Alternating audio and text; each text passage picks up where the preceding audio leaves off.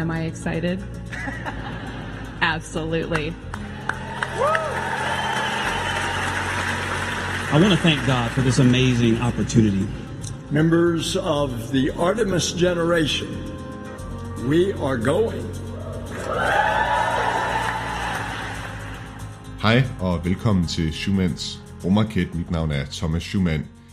I dag vil jeg give dig en præsentation af de fire mennesker, som til næste år, hvis alt går vel, rejser ud til månen som led i NASA's Artemis 2-missionen.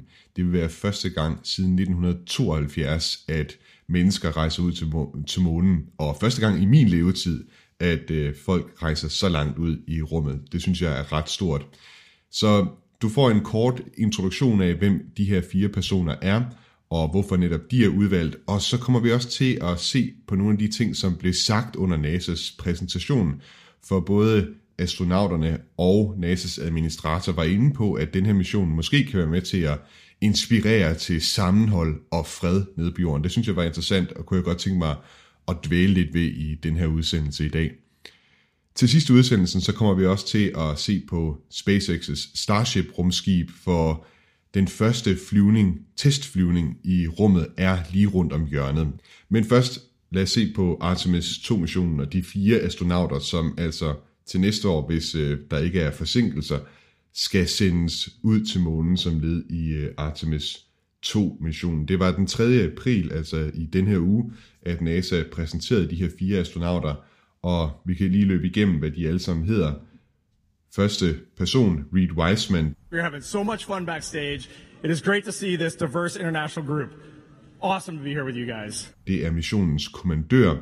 Han har en baggrund som pilot i den amerikanske flåde, og så har han tilbragt 165 dage i rummet. Så har vi Victor Glover, som er missionens pilot. It is the next step on the journey that gets humanity to Mars. Yeah, you can clap for that. That's big. Han øh, er også tidligere flådepilot, og så var han del af besætningen på den første operationelle mission med SpaceX's Crew Dragon rumkapsel tilbage i 2021. Han har tilbragt 168 dage i rummet. Så har vi Christina Koch, som er missionsspecialist på Artemis 2-missionen. The one thing I'm most excited about is that we are going to carry your excitement, your aspirations, your dreams with us on this mission. Artemis 2, your mission. Hun er ikke tidligere pilot, men har en baggrund som ingeniør. Derudover så udmærker hun sig ved at være det besætningsmedlem, som har tilbragt allerflest dage i rummet. Hun har tilbragt i alt 328 dage på den internationale rumstation, og det gør hende også til den kvinde, som har tilbragt allerlængst tid i rummet overhovedet. Og til sidst så har vi uh, Jeremy Hansen. It is not lost on any of us that the United States could choose to go back to the moon by themselves. But America has made a very deliberate choice over decades to curate a global team. And that, in my definition, is true leadership. Han øh, har også en baggrund som pilot, men han har aldrig før været i rummet. Og derudover så udmærker han sig ved at være kanadier, så det vil være første gang nogensinde, at en kanadier tager til månen. Og det er nok noget af det, som er det mest bemærkelsesværdige ved den her mission, det er sammensætningen af besætningen og hvad det er, de repræsenterer.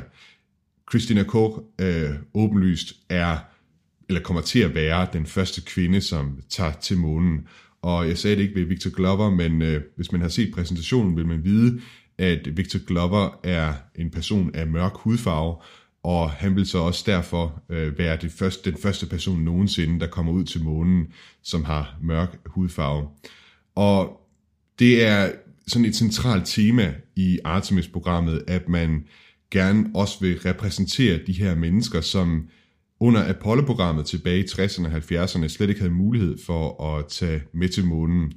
Så Artemis 2-missionen kommer også til at være med til at rette op på den historiske fejltagelse, NASA begik dengang tilbage i 60'erne og 70'erne ved ikke at tillade kvinder og folk med mørk hudfarve at være del af astronautkorpset. Og det er i det hele taget en, en rød tråd gennem Artemis-programmet. NASA har flere gange sagt, at den første person, de første to personer, som kommer til at lande på øh, månens overflade under Artemis-programmet, kommer til at være en kvinde og en person med mørk hudfarve. Målet med Artemis 2-missionen er at sende de fire astronauter ud på en kort tur til månen. Hele missionen kommer kun til at vare 10 dage, og det fungerer sådan, at de fire astronauter stiger ombord i Orion-rumkapslen, som bliver sendt i rummet af NASA's kæmpe raket Space Launch System, og så tilbringer de fire astronauter ellers to dage i kredsløb om jorden, hvor de tester, at alle systemerne fungerer, som de skal, og så tager de afsted ud til månen. Men de tager ikke ud og går i kredsløb om månen. I stedet for så tager de ud i en bane, der kaldes en free return trajectory. Det vil sige, at de bruger månens tyngdekraft til at slynge rumskibet tilbage til jorden igen. Så astronauterne de kommer altså kun til at passere månen en gang. De kommer forholdsvis øh, tæt på overfladen, men de kommer ikke til at, og går i kredsløb. De bliver slynget ud og vender så tilbage til jorden efter et par dage. Og hele formålet med øvelsen er altså at teste, hvordan rumskibet fungerer med fire astronauter ombord. NASA har allerede sidste år testet Orion-rumskibet med Artemis 1-missionen, hvor den tilbragte 30 dage, altså ubemandet, ude ved månen, og hvor man testede det alt sammen øh, på afstand. Og Artemis 2-missionen skal så banevejen for, at NASA i 2025 med Artemis 3 kan lande mennesker på månens overflade. Derudover så synes jeg, det var interessant at se præsentationen af de her fire astronauter øh, på grund af nogle af de ting, som blev sagt undervejs. Jeg hæftede mig ved, at såvel NASA's administrator Bill Nelson og Victor Glover øh, sagde, havde et budskab om, at missionen kan være med til at samle folk, og måske også være med til at skabe fred nede på jorden. Lad os lige prøve at starte med at høre, hvad Bill Nelson han sagde om, hvad besætningen repræsenterer for ham. Together, they represent our creed, e pluribus unum, out of many, one. This is the power of space. This is the power of our space program. It unites people, it brings them together, it brings parties together to explore, to discover, to dream. Bill Nelson han siger altså, at besætningen repræsenterer det amerikanske motto E pluribus unum, altså ud af mange en. Og altså siger han i øvrigt, at øh, rumfart kan være med til at samle og forene folk. Jeg synes, det er interessant, at han er inde på det her tema i kontekst af, hvad der sker i USA for tiden, sådan i det bredere samfund.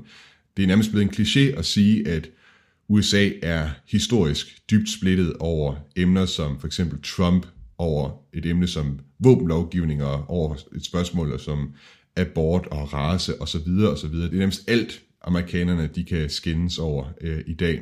Og det er for mig at se interessant, fordi det vækker sådan lidt en historisk parallel tilbage til 60'ernes rumkapløb, som også foregik i skyggen af historisk dyb splittelse i USA over spørgsmål om raceadskillelse for eksempel og Vietnamkrigen, og i øvrigt også med hele den kolde krig som bagtæppe og truslen om atomar ødelæggelse. Og dertil havde øh, Victor Glover, synes jeg, også et interessant, øh, en interessant bemærkning under præsentationen af de her fire astronauter. Lad os lige prøve at høre, hvad han sagde. I pray that God will bless this mission, but I also pray that we can continue to serve as a source of inspiration for cooperation and peace, not just between nations, but in our own nation. Thank you, and God bless us all. Victor Glover han siger altså, at han beder til Gud om, at den her mission kan være med til at skabe fred, ikke bare mellem nationer, men også i hans eget land. Igen, jeg synes, det er interessant at hæfte sig ved i den situation, vi står i, og det kan man sige, det åbner spørgsmålet om sådan en mission og den inspirationskraft, der ligger i, at fire mennesker tager ud til månen, om det overhovedet kan være med til at rykke noget i folks forståelse hernede på jorden. Hvis vi ser tilbage på Apollo-programmet og den effekt og den inspiration, som det havde dengang mennesker for første gang tog til månen, så er der i hvert fald en del folk, som peger på, at det, havde, det var med til at skabe en bevidsthed om, at vi, at vi alle sammen her på jorden er i samme båd, at vi alle sammen lever på en planet, som er skrøbelig. En af dem, som har udtrykt det allerbedst, det er astronomen og videnskabsformidleren Carl Sagan. Han har skrevet om det her fænomen, i hans bog The Pale Blue Dot, hvor han har et kapitel, der hedder The Gift of Apollo, altså Apollos gave. Og jeg kunne godt lige tænke mig at læse øh, to uddrag op fra hans bog for at sætte det her i perspektiv. Altså den her inspirationskraft, den her måde, som en rejse til månen kan være med til at samle folk på. Her er, hvad Carl Sagan han skriver. The Apollo astronauts on their way to and from the moon photographed their home planet. It was a natural thing to do, but it had consequences that few foresaw. For the first time, the inhabitants of Earth could see their world from above, the whole Earth, the Earth in color, the Earth as an exquisite spinning white and blue ball set against the vast darkness of space. Those images helped awaken our slumbering planetary consciousness. They provide incontestable evidence that we all share the same vulnerable planet.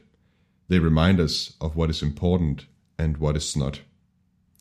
Altså kort opsummeret, det som Carl Sagan han skriver her, det er, at de billeder, som Apollo-astronauterne i sin tid tog af jorden fra månen, var med til at skabe en bevidsthed om, at vi alle sammen deler den samme planet, og vi alle sammen er i, i samme båd. Altså, at det var med til at vække en fornemmelse af sammenhold øh, blandt mennesker hernede på jorden. Lidt på samme måde som Bill Nelson og Victor Glover, de var inde på.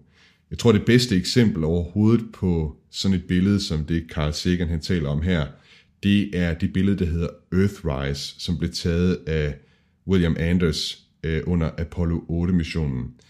Earthrise kan oversættes til jordopgang, og det der skete under Apollo 8-missionen, det var, at mens rumkapslen var i kredsløb om månen, øh, så steg jorden op over månens overflade fra astronauternes perspektiv, og de skyndte sig altså at gribe kamera og tage et billede, og det her billede, du har garanteret set det før, det viser altså månelandskabet i forgrunden, det her grå, fuldstændig øde kraterlandskab i forgrunden, og så har du en fuldstændig natsort himmel, og i midten øh, på den her himmel, der har du så en blå og hvid kugle, altså jorden, som virker meget, meget ensom der midt i øh, det sorte ingenting.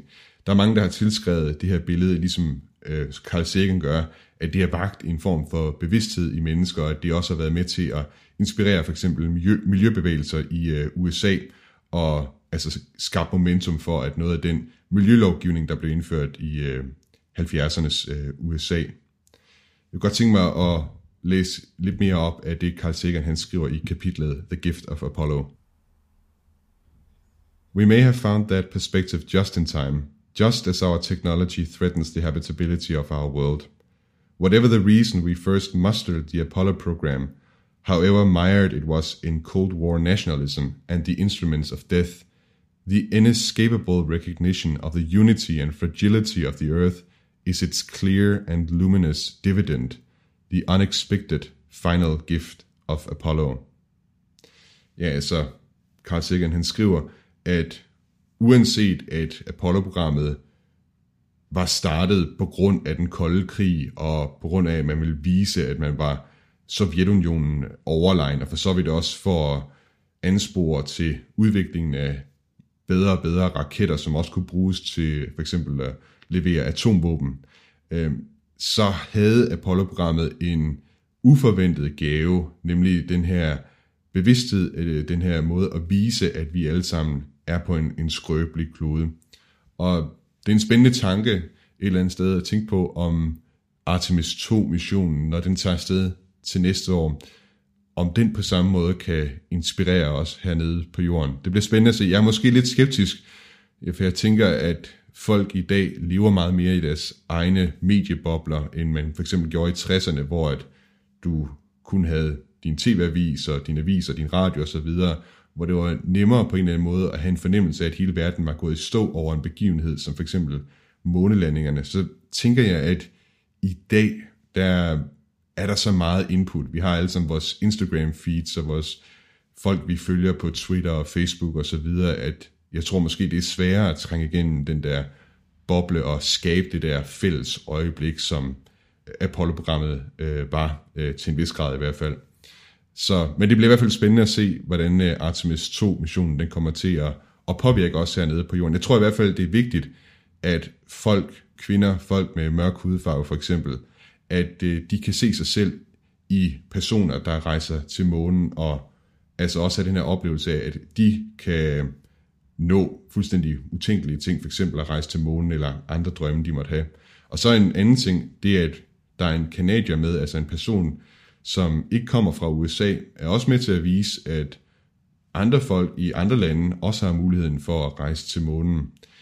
Jeg tænker sådan på, hvis nu det var Andreas Mogensen, der var blevet udvalgt til den her besætning, så er jeg sikker på, det bilder jeg mig i hvert fald selv ind, at øh, vi i Danmark vil være helt på månen over, at han skulle øh, derud.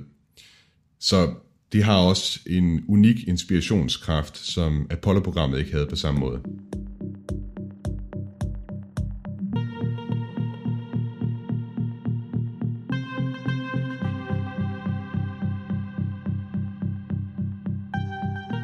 Her til sidst vil jeg som sagt øh, give en kort opdatering på, hvordan det står til med SpaceX's Mars-raket Starship. Den her kæmpe raket, som er større end NASA's måneraket Saturn 5, og som kan løfte over 100 tons i kredsløb, og som skal være 100% genbrugelig og gøre det muligt at bygge en by på, øh, på Mars. Det er ligesom bagtæppet for, hvorfor den her raket den er så vigtig. Det, som er det allervigtigste med, med Starship overhovedet, det er, at den er 100, eller den er i hvert fald designet til at skulle være 100% genbrugelig. Vi må se, om SpaceX lykkes med at, og rent faktisk gøre den 100% øh, genbrugelig. Men det, som det betyder, en raket, der er fuldstændig genbrugelig, det vi aldrig haft før. Ikke en raket, der kunne sende ting i rummet. Og det vil i teorien øh, reducere prisen på at sende ting i rummet. Så potentialet i Starship øh, er kæmpestort. Det er det, som rigtig mange rumfart entusiaster, de, øh, de håber på, at den vil reducere omkostningerne så meget, at vi for alvor kan se endnu flere aktiviteter i rummet, endnu større rumbaser, baser på månen osv., byer på Mars. Det er ligesom det, der er tanken med det. Grunden til, at det er værd at snakke om Starship nu, det er, at Starship er ved at nærme sig den første orbitale flyvning, altså den første flyvning i rummet. Det har ikke været prøvet med, med Starship endnu, og det er sådan, kan man sige, det er debuten for en raket, det er, at den kan flyve i rummet. Og øh, lige nu over i Boca Chica, Texas, hvor at SpaceX udvikler raketten, der står Starship på afføringsrampen, mere eller mindre klar til at blive sendt afsted. Det, der mangler, før det er, at Starship kan sendes afsted, det er en godkendelse fra det amerikanske, den amerikanske luftfartmyndighed FAA, Federal Aviation Agency, så vidt jeg husker. Øh, de skal ligesom give grønt lys til, at SpaceX kan sende den afsted.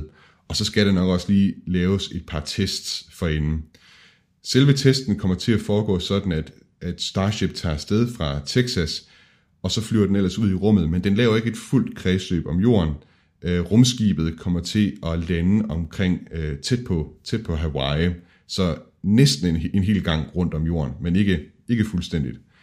Og vi har endnu ikke fået nogen indikation om, hvad der kommer til at ske med det første trin på raketten, altså den del af raketten, som hjælper øh, rumskibet med at komme ud i rummet, om det om SpaceX vil forsøge på en eller anden måde at lande øh, første trinet på raketten, sådan som SpaceX gør med deres Falcon 9 raketter.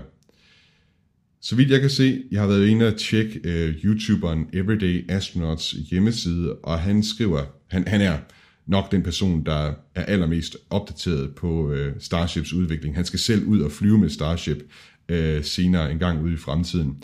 Han skriver, at denne test allertidligst kan finde sted den 17. april. Så hold øje omkring den øh, 17. April, og hvis du i øvrigt vil følge med i øh, Starship-testen, øh, og øh, ja, hvis du vil følge med i, hvornår det sker, og hvornår du skal tune ind, så vil jeg anbefale dig dels at følge Everyday Astronauts øh, hjemmeside. Du kan også følge ham på Twitter eller på YouTube for den sags skyld. Jeg er ret sikker på, at han kommer til at livestream øh, den her test. Derudover så vil jeg anbefale den kanal, der hedder NASA Spaceflight. Det er ikke NASA, øh, de hedder bare NASA Spaceflight. Det er en flok rumfartentusiaster, som har sat kameraer op og har sådan et, et live feed nede fra Boca Chica, Texas. Så de er, det er garanteret, at de kommer til at, at dække den her opsendelse. I kan, de har flere profiler på øh, Twitter, som man også kan følge der, men ellers så følg dem på, på YouTube. Og så i øvrigt følg SpaceX øh, på Twitter, og for så vidt også øh, Elon Musk, der kommer også til at blive sendt øh, beskeder ud der, kan vi godt, øh, kan vi godt regne med. Det var alt, jeg havde for den her omgang af Schumanns rumraket. Tak fordi øh, du lyttede med, og del gerne udsendelsen og podcasten med alle dine rumfartglade venner. Musikken, du har hørt øh, undervejs, er af T-Shot Starfish, og som jeg bruger med tilladelse øh, fra T-Shot Starfish. Tak fordi du lyttede med. Ad Astra.